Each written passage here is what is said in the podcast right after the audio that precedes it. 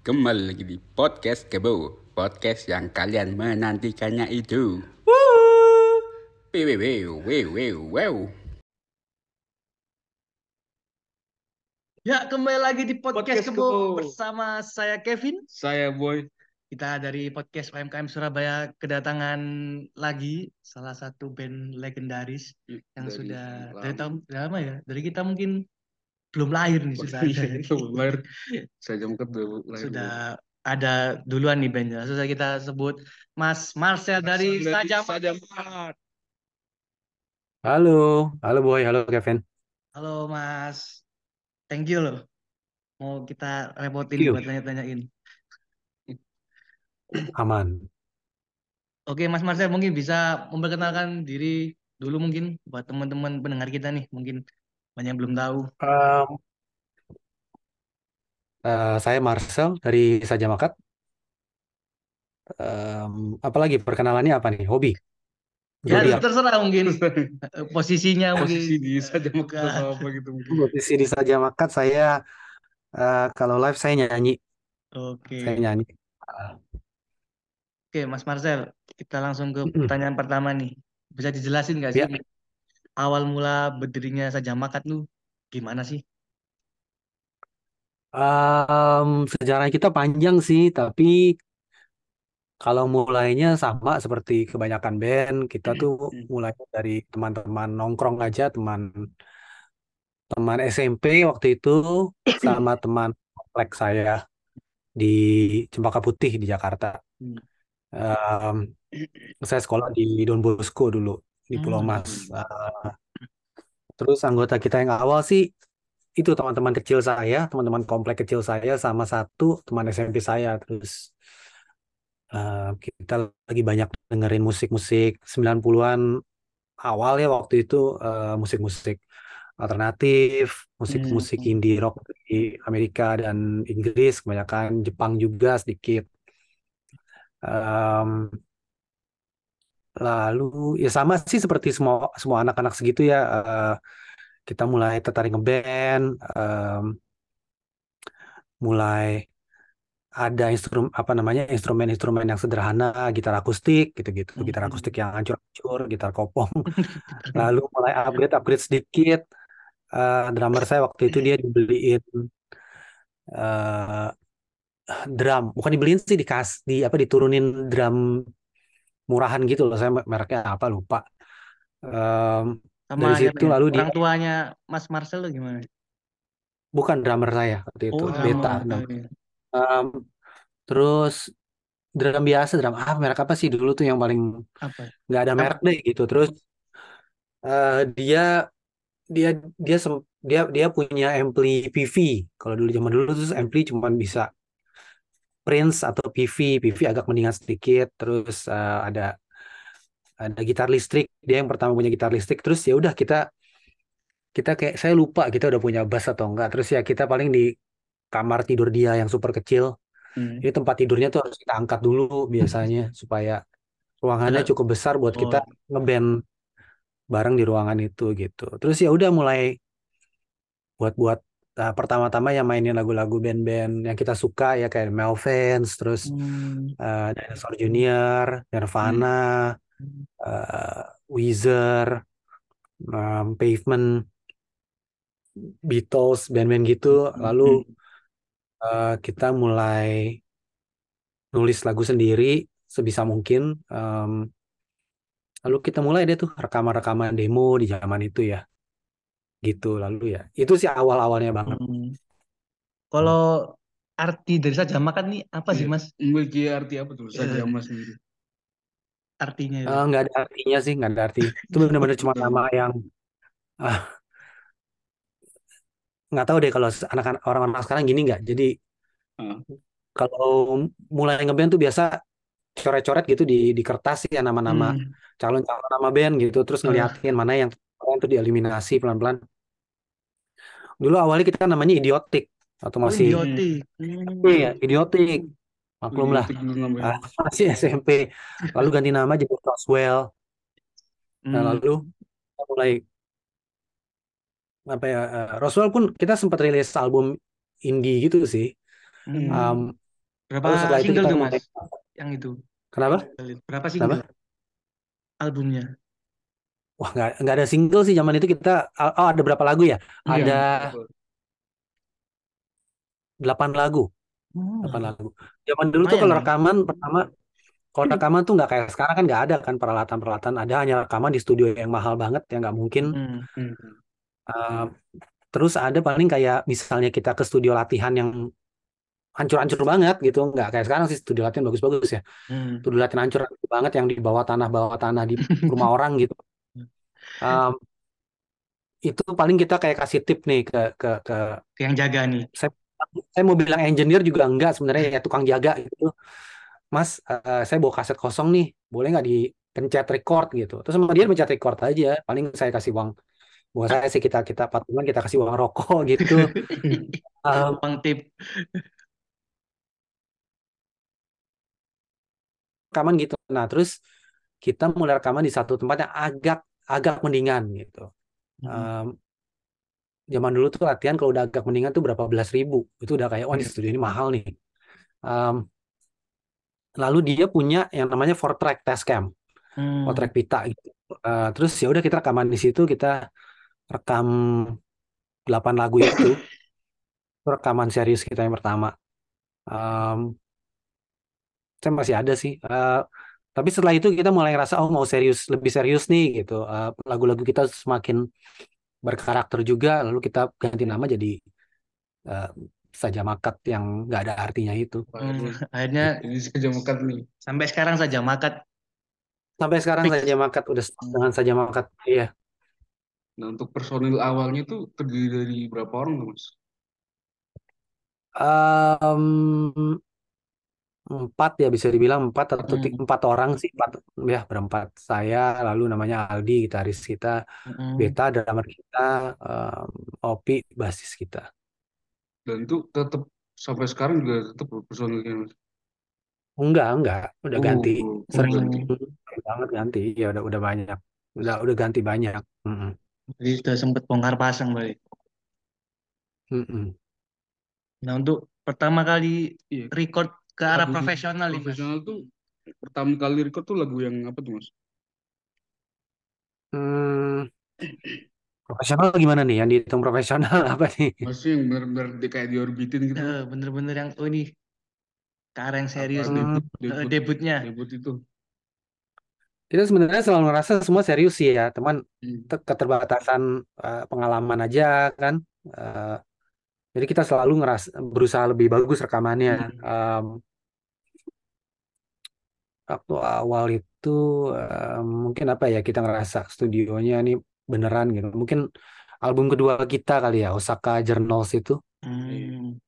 um, 2005 mungkin itu kali rekaman di Bintaro Hmm. Itu berapa single? Berapa Albumnya itu. lagu tuh?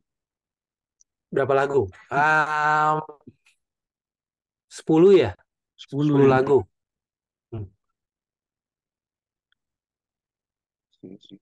Terus untuk ke yang lagu yang paling makan waktu lama tuh lagu apa tuh, Mas? Kayak mulai dari proses tulisnya sampai rekaman segala macam gitu. di album itu Di Ini keseluruhannya, keseluruhan musiknya Mas. hmm, keseluruhan single yang pernah rilis di keseluruhan Saja karir saja makat gitu Iya. wah Apa yang paling, wah susah nih. Ah, dari proses awal. susah juga ya udah hampir 20 tahun saya nggak Em, yang paling lama kita pernah rekaman gitu yang prosesnya paling susah Iya, yang makan waktunya. mungkin album mungkin album keempat kita kali ya Hobgoblin itu 2015 itu em, dari kita dari saya ke demo lagunya lalu dikulik Hmm, lalu dikulik diproduksi gitu itu mungkin makan waktu kayak dua tahun tiga tahun kali ya hmm, cukup. tapi nggak spesial ya, lagu Mas. yang mana sih album itu iya lama lama kita memang kerjanya agak lama sih karena kita sering bongkar pasang eh, eh, apa aransemen gitu Hmm. Jadi itu yang membuat memakan waktu yang cukup lama berarti.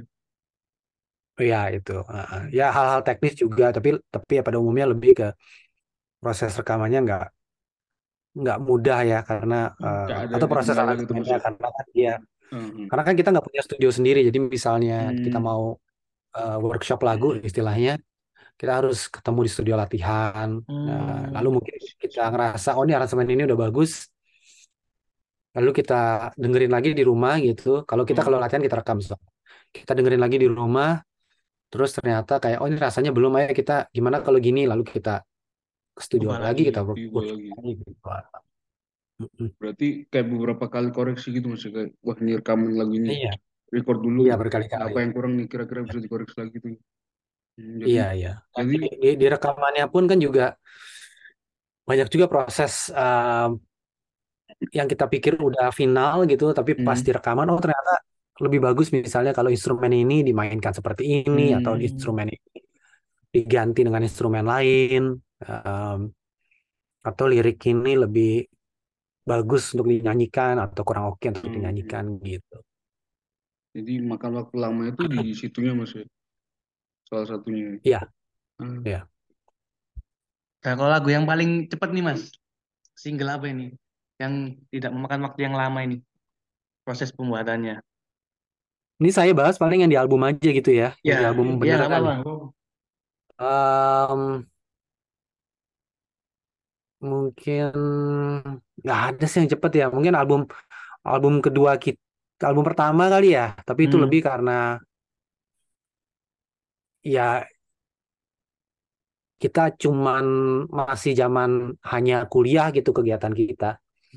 Jadi Uh, masih ada waktu. jadi iya SMA kuliah lah gitu ya. Jadi tanggung jawabnya ya, ke- ya maksudnya Belum gede lah. mengecilkan anak yang Hmm, kuliah ke se- sekolah, tapi hmm. dibanding setelah kita mulai kerja, apalagi setelah kita mulai uh, berkeluarga dan Hmm. macam-macam itu paling gampang. Jadi ya kita bisa lebih banyak spend waktu. Bisa setiap hari saya ke rumah beta dulu gitu untuk kayak "Ayo kita kulik lagu ini yuk kulik lagu ini gitu. Kita, kita punya waktu. Bahkan hari sekolah pun kan bisa tinggal tinggal pulang sekolah ke rumah dia terus Ngulik-ngulik lagi. Mm, dan dan uh, duit duit kita pun zaman itu bukannya sekarang udah banyak duit tapi zaman itu kan uang kita pakai uang saku kita aja kan gitu dan Hmm. Kita punya budget yang sangat amat terbatas dan uang uang saku eh, saya lupa saya udah kerja ya kuliah tuh saya mulai kerja tapi intinya duit duit kita tuh masih dikit sekali jadi kita sangat amat wah harus cepet nih ke studio harus udah dapatnya kayak gimana kita okein aja gitu nggak ada nggak ada ruang buat kritik atau. Atau atau atau berleha-leha di studio gitu nggak ada Sampai akhirnya tuh ada ini yang aku tahu satu lagu tuh Last of Afraid ya. Yang dipakai di ori- original soundtracknya dan Johnny Mas ya. Mm-mm. Nah, itu bisa ceritain gimana sedikit, ceritanya tuh Mas Kok akhirnya? bisa jadi OST-nya Janji Joni itu gimana awalnya gitu? Em, itu itu kan lagu itu masuk di kompilasinya Aksara Records yang pertama tuh di Jakarta Hmm. sekarang. Lalu ini setahu saya aja sih eh, Joko Anwar dan Yadinata kan eh, mau buat film Janji Joni waktu itu. Hmm. Eh, entah gimana mereka kerjasama atau mereka dekat dengan anak-anak eh, Aksara Records gitu. Iya. Hmm. Em, yang yang waktu itu baru baru jadi ya Aksara Records. Terus terus saya nggak tahu siapa, pokoknya dari pihak filmnya suka lagu itu gitu. Sesimpel itu sih sebenarnya saya cuma di- ditelepon oleh um, David Tarigan, Hmm, iya. oh David Tarigan ya, um, yang nelfon saya terus bilang Sel ini um, ada film nih mau pakai lagu lo yang Less Afraid gitu. Terus ya kita ya oke aja. Zaman itu orang mau denger ya bagus. Mm-mm. Jadi bisa dibilang itu membawa berkah sendiri nggak sih buat Raja Makat? Iya. Em, ya iya sih, tapi nggak kayak setelah itu kita jadi rockstar atau apa sih, sama aja sih buat kita. em, nggak ada. Mungkin kalau sekarang dilihat sekarang tuh kayak eh, ngeliat ke belakang itu selalu lebih indah ya gitu. Iya Maksudnya pasti. motivasi kan. Em, tapi pada masa itu ya kita kita terasa ada sesuatu yang spesial. Bukan saya bukan saja Makat aja tapi Hmm. teman-teman Aksara Records band-band indie yang muncul di saat itu kita terasa ada sesuatu nih gitu. Tapi eh, dan dan ada band-band teman-teman kita yang eh, melambungnya cepat sekali gitu ya. Eh, cuman kita bukan salah satu dari itu sih Eh,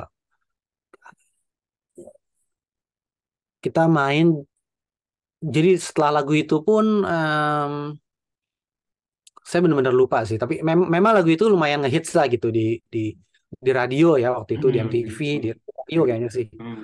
Eh, tapi nggak sampai oh ini akhirnya jadi karir nih gitu. Kita jadi Indonesian Idol atau apa enggak sih.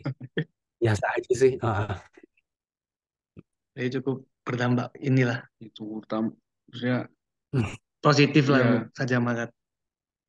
iya ya ya seneng aja maksudnya kita tahu oh ternyata ba- banyak yang suka lagu itu tapi juga di era itu nggak se eh, apa namanya nggak tiba-tiba kayak apa ya istilah kita kita senangnya tuh lebih ke karena oh ini sama lagu kita sama lagu teman-teman kita tuh ada di layar lebar gitu itu kan sesuatu yang Hmm. ya Istimewa lah. bayang di zaman Iya. itu gitu ya istimewa tapi lebih saya juga mulai dekat dengan band-band baru band-band lain ini terus Hmm. punya menjadi bagian dari scene yang banyak orang kreatif dan keren-keren yang yang sebelumnya nggak pernah sejadi gitu kan Jakarta gitu Hmm, iya. kita lebih euforianya ke sana sih dibanding kayak em, euforia popularitas gitu. Nah, kalau lagu Last Afraid sendiri ini menceritakan menceritakan tentang apa sih, Mas Marcel, kalau boleh tahu? Less Afraid Mm-mm. Hmm, Less Afraid tentang mencari kebebasan atau berusaha berusaha eh, keluar dari batasan-batasan yang kita kasih ke diri sendiri Em, dan kadang-kadang sadar bahwa eh, apa namanya musuh terbesar diri kita adalah diri kita sendiri gitu Hmm. itu ya masih tema-tema lagu kita sekarang sih nggak jauh-jauh dari situ sih bisa dibilang apa? Keluar zona nyaman gitu. Hmm, ya sedikit lebih ini sih, sedikit lebih apa ya namanya? Bukan zona nyaman sih, lebih keluar dari pikiran-pikiran yang membatasi mungkin atau yang meng, yang membuat kita jadi orang yang kita sendiri tidak begitu sukai gitu. Hmm. Gitu sih, Boy. Dan Eh, di, sekarang yang yang sekarang dirilis lagi sama Lomba Sihir ya. Collab sama Lomba Sihir kalau nggak salah. iya kemarin Yang di di cover Lomba Sihir ah, keren. Keren. Keren sih. Kita dengerin loh, Mas. Berapa kali. Cakep. Oh, udah dengerin? Iya bagus, bagus. Spotify. Spotify. Ya, iya iya. Dan juga kalau nggak salah belum lama ini kayak hampir sebulan ya. Baru rilis single ya mas.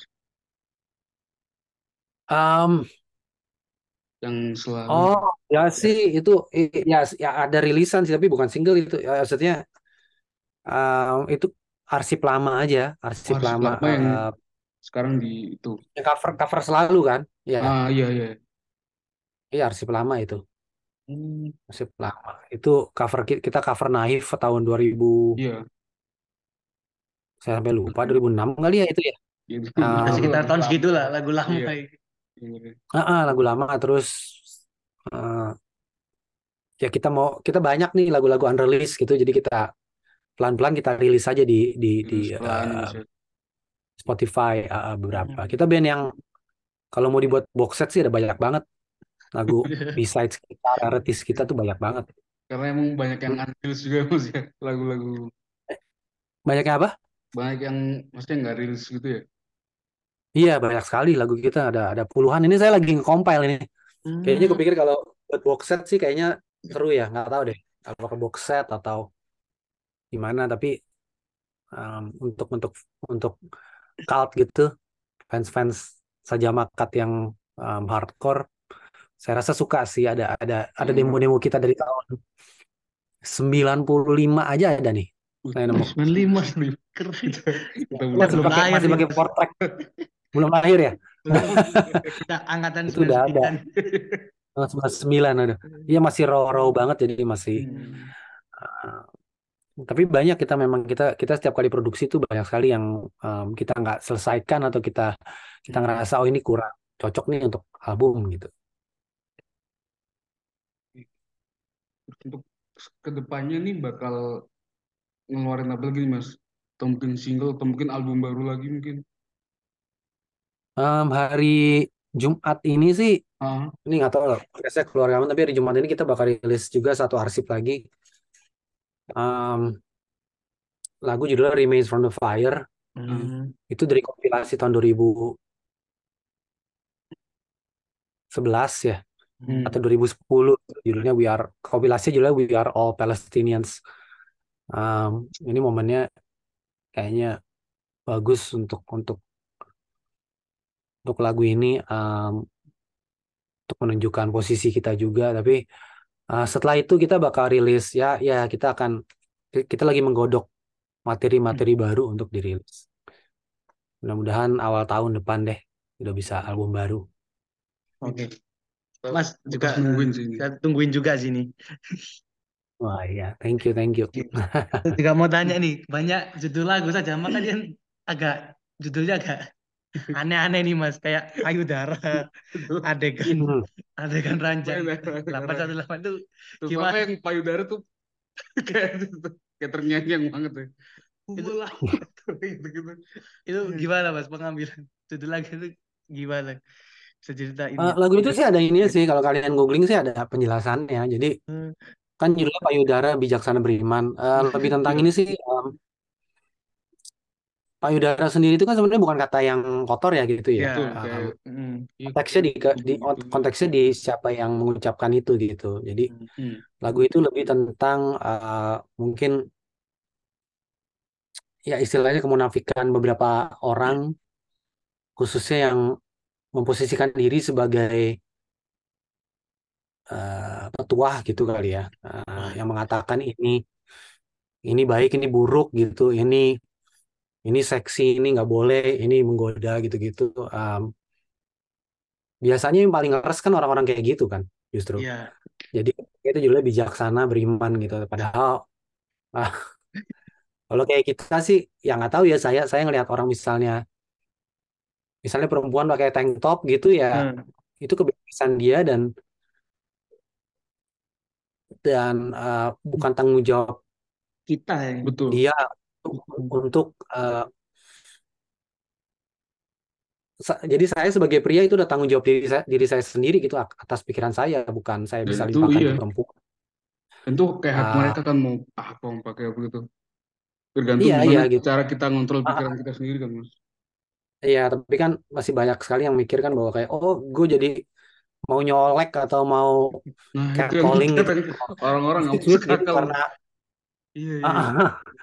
kan padahal ya ini emang klise, tapi kan setiap orang punya ibu gitu, banyak orang punya eh, s- Saudara banyak perempuan. pria punya istri, banyak pria punya anak perempuan gitu ya. Ah, menurut saya sih, eh, ya lagu itu tentang itu sih dan itu satu lagu yang liriknya lumayan saya coba segamblang mungkin gitu eh, Hmm. tentang itu. Ya itu sih. Nah, kalau saja makat ini genrenya lebih ke arah mana sih, Mas?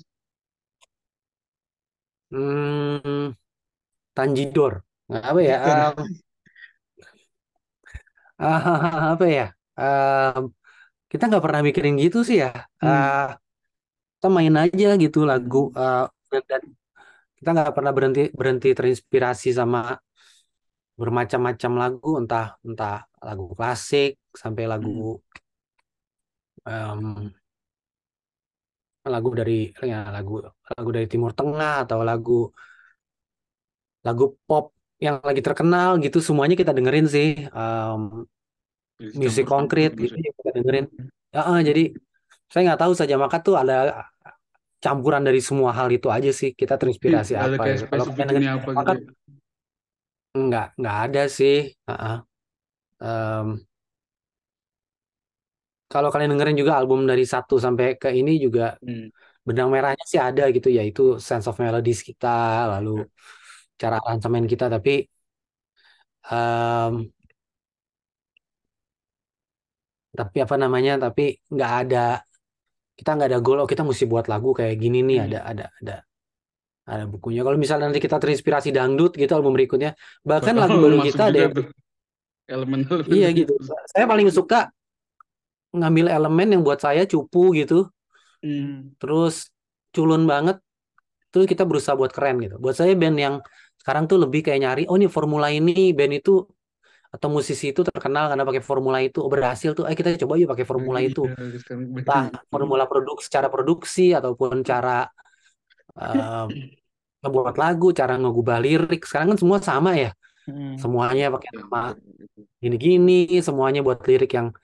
Warnanya sama. gitu Em, saya suka ngambil elemen-elemen elemen-elemen yang culun gitu kayak misalnya setiap hari tuh di deket saya jemput anak saya yang sekolah. Di lampu merah tuh ada anak-anak punk street punk gitu Mm.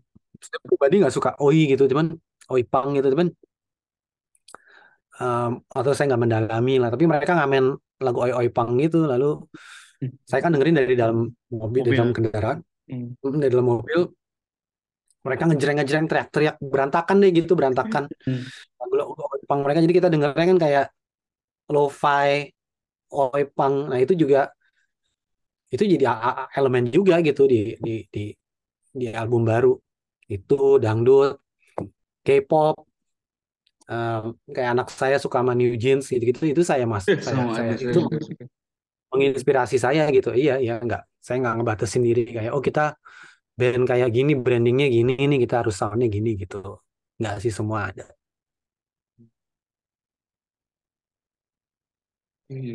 Kayak nggak ada itu kayak saya rasa itu dulu dari kita mas. Mm. Oke, Mas Pertanyaan-pertanyaan. Marcel, thank you loh. banget Itu terakhir dari kita. Seperti Nadir.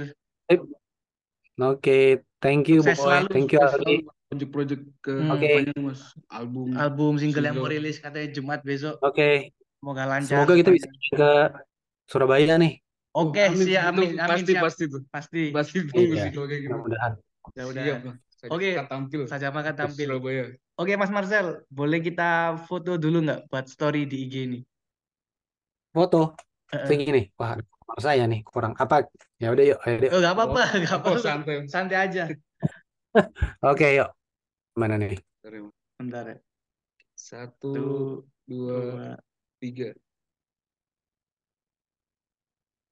Oke. Oke, Mas Thank you Marcel, banget thank you Marcel banget. Hmm. Oke. Sukses Thank you. dan cepat sembuh nih. Cepat sembuh.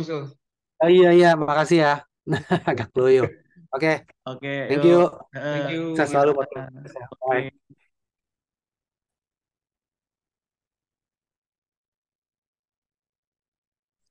Oke, thank you Mas ya. Thank you banget Thank you, Mas. Thank you Mas YSQ. Hmm, Nanti kita Yo. kabarin tayangnya Upload bakal upload hari Jumat nih. Oke, Jumat jam 7 malam.